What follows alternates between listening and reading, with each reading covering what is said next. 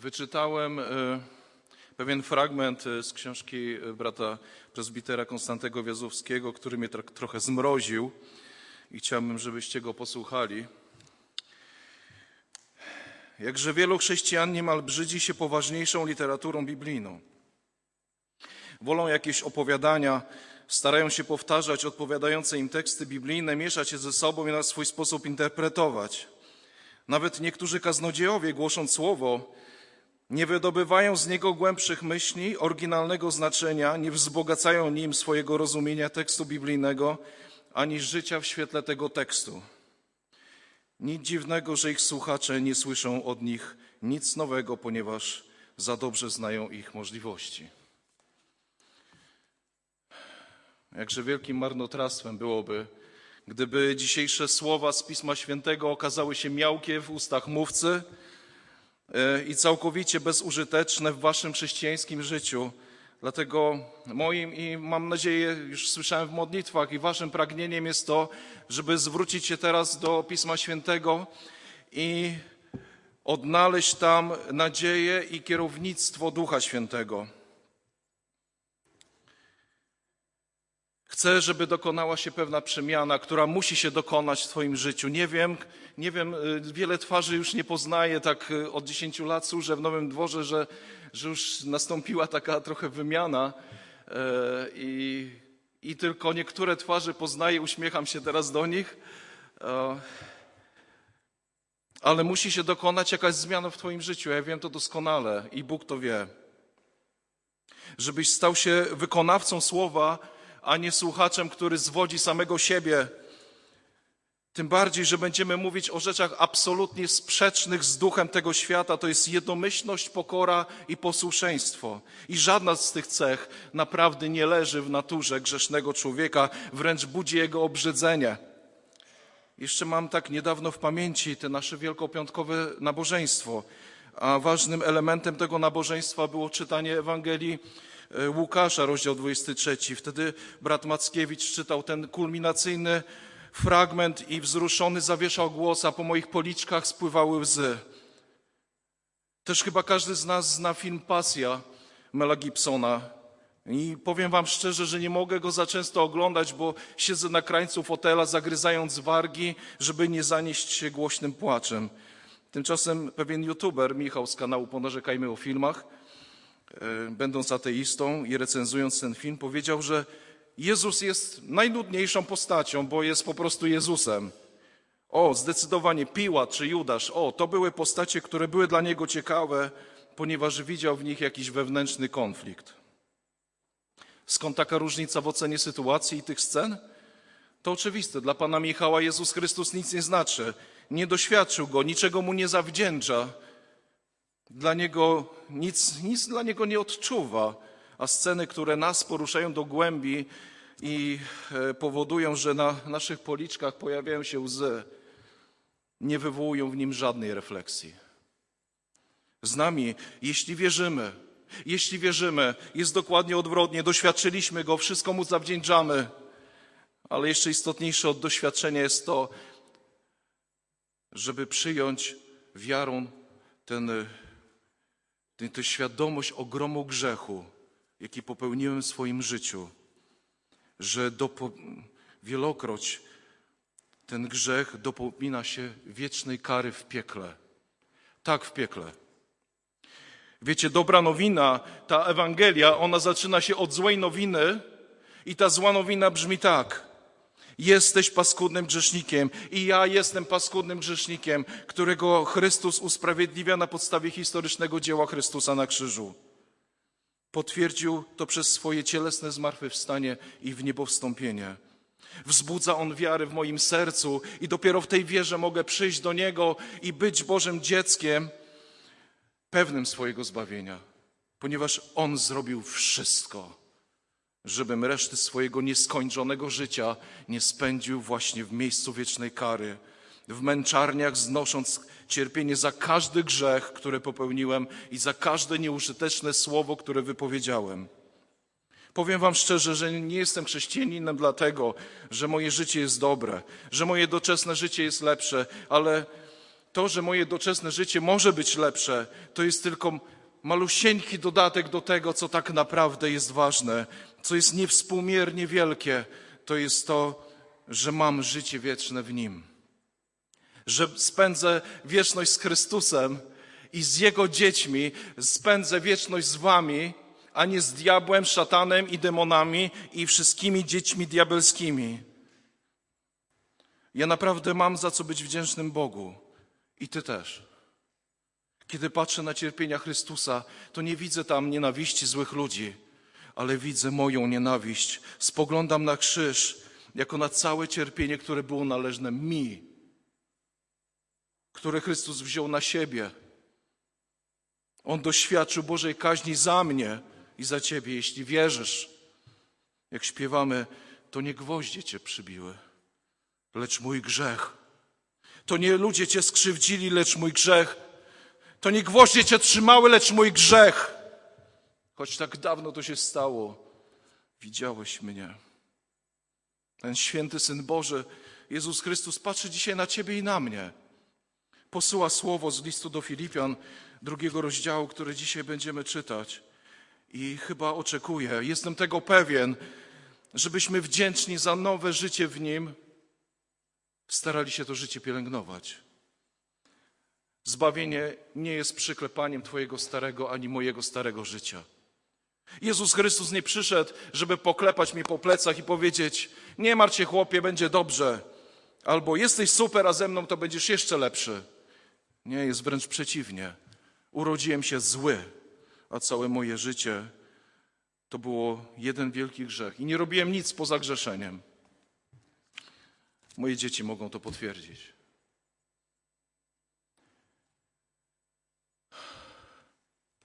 Jezus przychodzi dzisiaj, żeby ratować Ciebie z płomieni ognia, z przepaści, z szerokiej drogi, którą być może idziesz. Woła dzisiaj: zawróć, zawróć do mnie. Przejdź przez ciasną bramę, idź wąską ścieżką. Tam jest niebo. Wiecie, na tej wąskiej ścieżce, właśnie w liście do Filipian, apostoł Paweł będzie nas uczył, jak żyć na nowo, jak żyć nowym życiem, jak żyć jako nowe stworzenie w jedności, pokorze i posłuszeństwie. Jest to absolutnie coś, co jest sprzeczne z tym, co robiliśmy dotychczas. Przeczytajmy pierwsze cztery wersety tego drugiego rozdziału.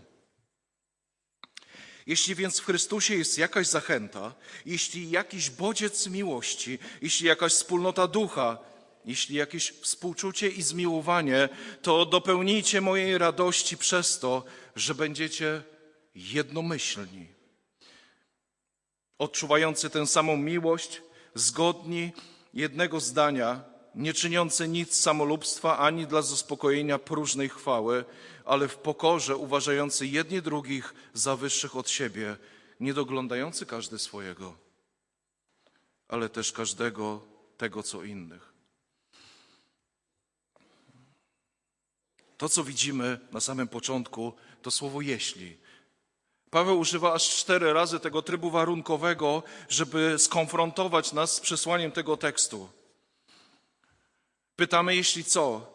Jeśli w Chrystusie jest jakaś zachęta, jeśli jakiś bodziec miłości, jeśli jakieś, jakaś wspólnota ducha, jeśli współczucie i zmiłowanie, jeśli Chrystus nic dla ciebie nie zrobił, jak dla youtubera Michała, jeśli nie ubodła cię Jego miłość, jeśli nie okazano ci współczucia, zmiłowania w Jego krwi, nie doświadczyłeś wspólnoty Ducha Świętego, to nie mam przyjacielu dla ciebie żadnej dobrej nowiny, poza tym, byś poszedł do pokuty i do nawrócenia pod krzyż. To wszystko, co apostoł Paweł będzie tutaj mówił w tych czterech wersetach, nie będzie cię osobiście dotyczyć.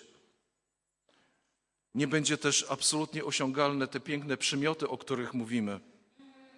A nawet jeżeli będą osiągalne, to będą bezwartościowe, jeśli, jeśli wpierw rdzeniem i korzeniem, źródłem Twojego życia nie stanie się Chrystus, który jest tutaj opowiedziany. Czy gdybyś wyszedł dzisiaj z tej kaplicy, jest piękna pogoda, ale wyszedłbyś, wyszedłbyś przez te drzwi i tam doznał jakiegoś, jakiegoś wypadku, gdyby Twoje życie raptownie zakończyło się, to gdy zobaczysz Chrystusa, kiedy Go zobaczysz, co Mu powiesz? Co powiesz, kiedy z miłością, ale też ze słusznym gniewem spojrzy na Ciebie? Co zrobisz? No co zrobisz? Te banalne wymówki, które dzisiaj tak łatwo przechodzą nam przez usta, tam zaciśniętym w gardle utkną bardzo głęboko. W przerażeniu będziesz czekać na wyrok, który jest Ci dobrze znany. Jeśli w Chrystusie jest jakaś zachęta, jeśli jakaś, jakiś bodziec miłości, jeśli jakaś wspólnota ducha, jeśli jakieś współczucie, zmiłowanie, to biegnij do Niego.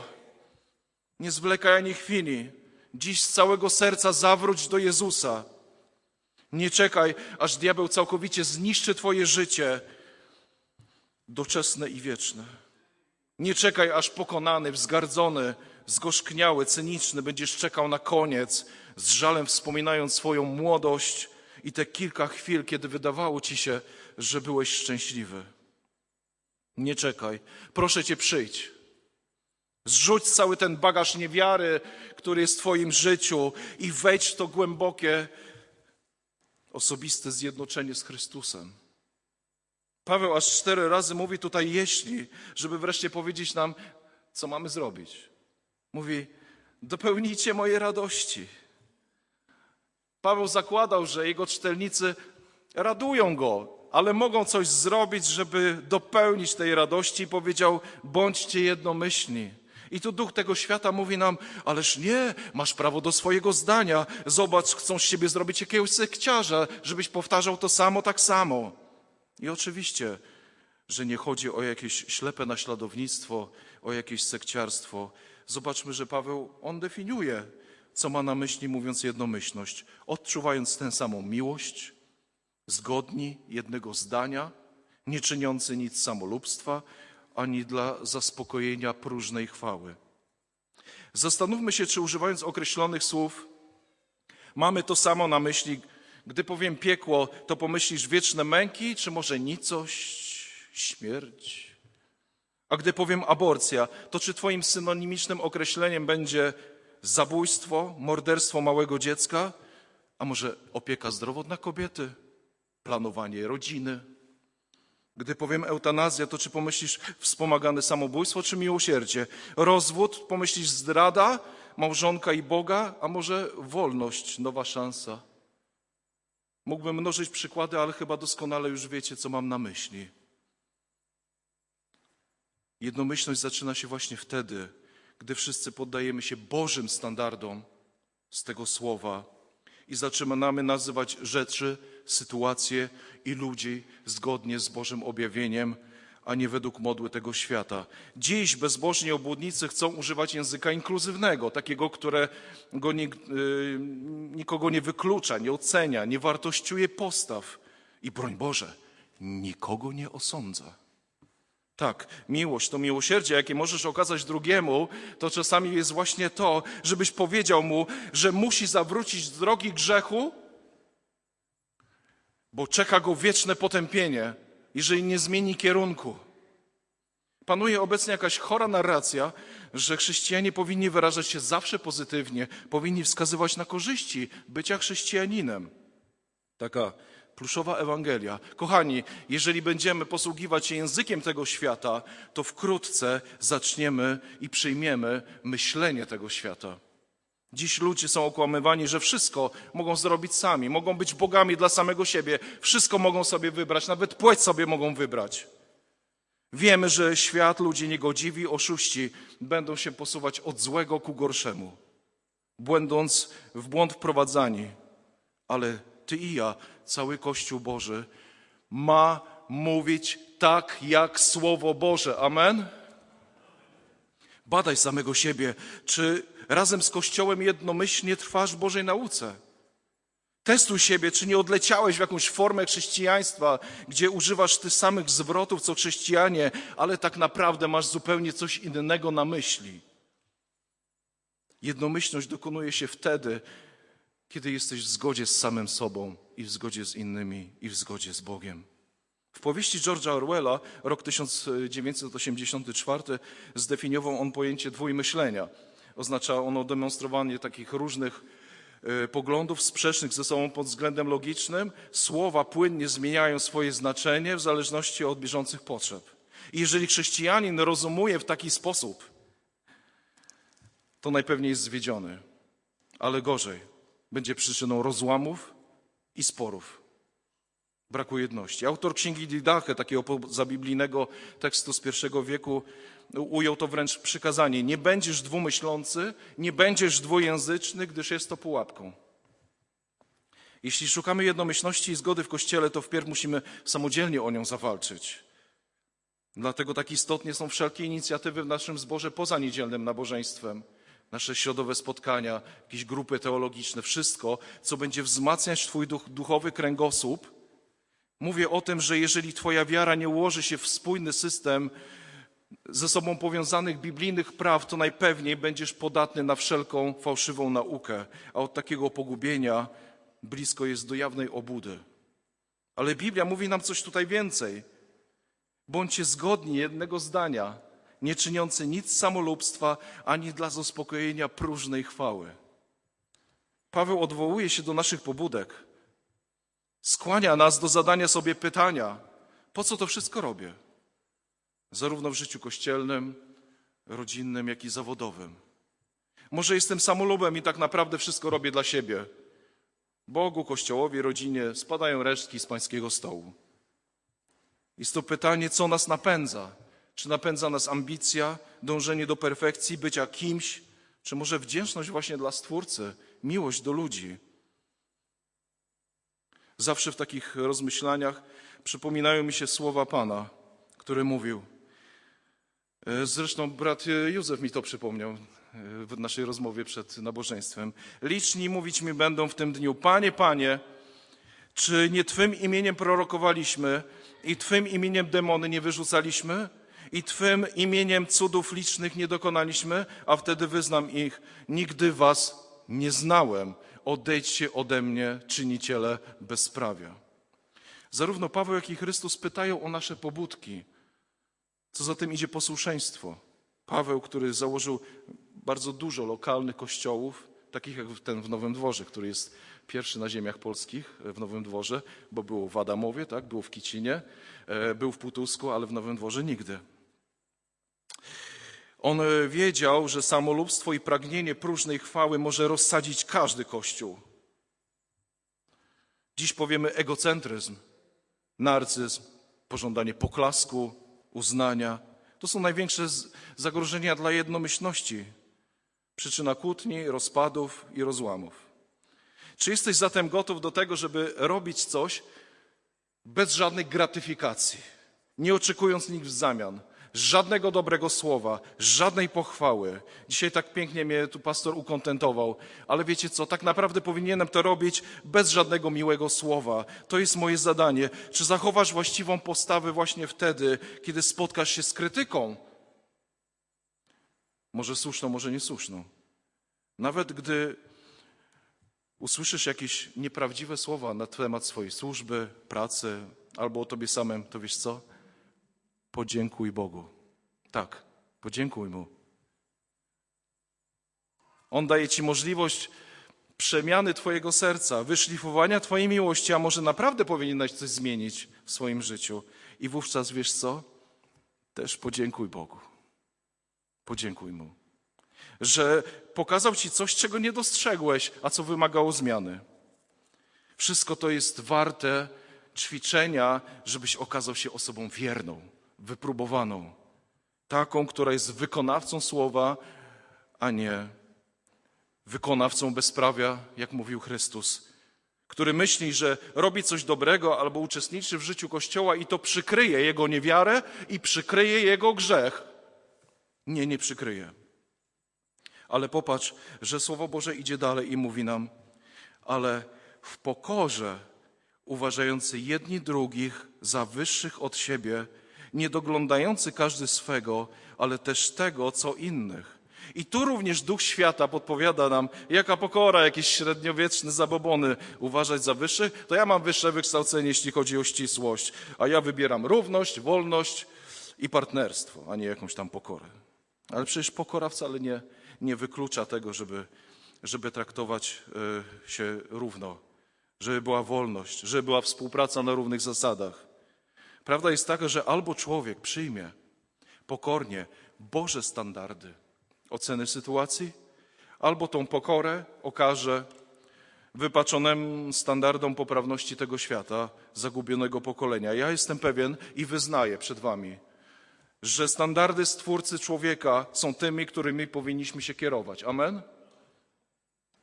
Apostoł Paweł wskazuje nam w tym fragmencie, że może nawet powinieneś na drugiego swojego brata, siostrę spojrzeć z życzliwością, z uwagą, potraktować go jako kogoś mądrzejszego, od którego możesz się czegoś nauczyć. Nie jestem pępkiem świata, nie jestem najmądrzejszy i na pewno nie wiem wszystkiego. Głos tej drugiej osoby może się okazać równie wartościowy jak Twój własny. I tu właśnie wkracza pokora, która jakby przymusza nas do tego, żeby zachować tą uniżoną postawę, do doglądania dobrostanu drugiego człowieka. Dopiero gdy założymy, że to my możemy się mylić, że to my jesteśmy tym zakutym łbem, do którego nic nie dociera, dopiero wtedy jesteśmy gotowi na zmianę, która będzie budulcem jedności. Nasz zbór jest wielopokoleniowy, tak spoglądam. To wspaniałe jest, naprawdę cudowne. Możemy y, uczyć się jeden od drugiego. Młodsi mogą uczyć się od, od bardziej doświadczonych, a starsi od tych, którym nie brak kreatywności. Doglądajmy się nawzajem. Nie zamykajmy się w pokoleniowych bańkach jak ludzie w dużym bloku. Wiecie, jak to jest. Duży blok, ma się dużo niby sąsiadów, ale nikogo się nie zna. I wiecie co? Tak naprawdę oni chyba nie chcą się poznać. Ci, którzy mają dostęp do Disney Plus, zapewne oglądali ostatni sezon Mandalorianina. Tam występują takie dwa klany e, Mandalorian. Jedni noszą hełmy, a drudzy e, ich nie noszą. E, jedni mówią, że tak nakazuje obyczaj, żeby nosić, a drudzy nie. I wiecie co? W pewnym momencie doszli do wniosku, że muszą się połączyć, żeby pokonać wspólnego wroga. Ale co ciekawe, ta synergia nie sprawiła, że tradycjonaliści porzucili swoje tradycje, a postępowcy zaczęli nosić hełmy. Ale umieli uszanować siebie nawzajem i ruszyć razem do walki i tu spoiler zwyciężyli. I podobnie w prawdziwym życiu, w naszym zborze można zachowywać różne tradycje albo ich nie zachowywać, a przy tym ramię w ramię walczyć za wiarę Ewangelii. Ale warto w tym momencie podjąć ten trud, żeby oddzielić Ewangelię od tradycji. Przez pokorę jest to możliwe. Przez pokorę otwierasz się na drugiego człowieka, zamiast tworzyć kliki właśnie na podstawie tradycji. Przez pokorę budujemy jednomyślność, która się opiera wyłącznie na Ewangelii. Dalsza część tego drugiego rozdziału, jak spojrzycie w swoje egzemplarze Biblii, wprowadza trzeci komponent, czyli posłuszeństwo. Tam y, widzimy od wersetu 5 do wersetu 11 ten piękny hymn o Jezusie Chrystusie, o Jego posłuszeństwie wobec Ojca, a dalej w kolejnych wersetach Paweł mówi nam, jak możemy naśladować posłuszeństwo Chrystusa. I wreszcie w wersetach od 14 do 16 czytamy. Czyńcie wszystko bez szemrania, powątpiewania i sporów, abyście stali się nienaganni i szczerzy, byli dziećmi Boga, bez skazy pośród wykolejonego i wynaturzonego pokolenia, w którym świecicie jak światła na świecie, zachowując słowo życia. Słowo Boże nie uczy ślepego posłuszeństwa. Przywódcy Kościoła to nie hinduscy guru. Posłuszeństwo przejawia się przede wszystkim w tym, że zachowasz osobistą wiarę w Boga i w Jego obietnice, jak to mówił Paweł, bez powątpiewania. Trwanie w prawdzie, łagodzenie sporów, zatargów, unikanie manipulacji i złośliwego plotkarstwa, tak aby zostać rozpoznanym jako dziecko Boże, które nie jest jak wykolejone i wynaturzone pokolenie, które nas otacza, tylko wyróżnia się szczerością, niewinnością i zachowuje słowo opisane tutaj, słowo życia. Ktoś mógłby zaoponować, bracie, ależ z ciebie legalista, Jednomyślność, pokora, posłuszeństwo toż to czysty zakon. Ale spójrzmy na werset 13, co nam mówi. Gdyż to Bóg jest tym, który sprawia w nas i chcenie, i wykonanie ze względu na dobrą wolę. To jest w stu procentach dzieło Boga. Ale to oczywiście nie zwalnia nas z troski o to, żeby stale o to zabiegać. Jeśli jesteśmy dziećmi Boga, to mamy tę zachętę w Chrystusie, tak? Wracamy do początku. Mamy tę zachętę w Chrystusie, mamy ten bodziec miłości i mamy tę wspólnotę Ducha i Jego moc Ducha Świętego, żeby żyć i postępować jak dziecko Boga. Jak mnie uczył zawsze pastor Marek, Kościół to granica. Bywają tu ludzie na początku drogi z Bogiem, ale też są ci, którzy, których życie przypomina raczej labirynt niż prostą drogę, wąską drogę do nieba. No i są też nieganne dzieci Boże. I obojętnie w którym miejscu jesteś na swojej duchowej drodze, a wiem, że zdążysz do nieba, to obojętnie gdzie jesteś, potrzebujesz napomnienia i zachęty.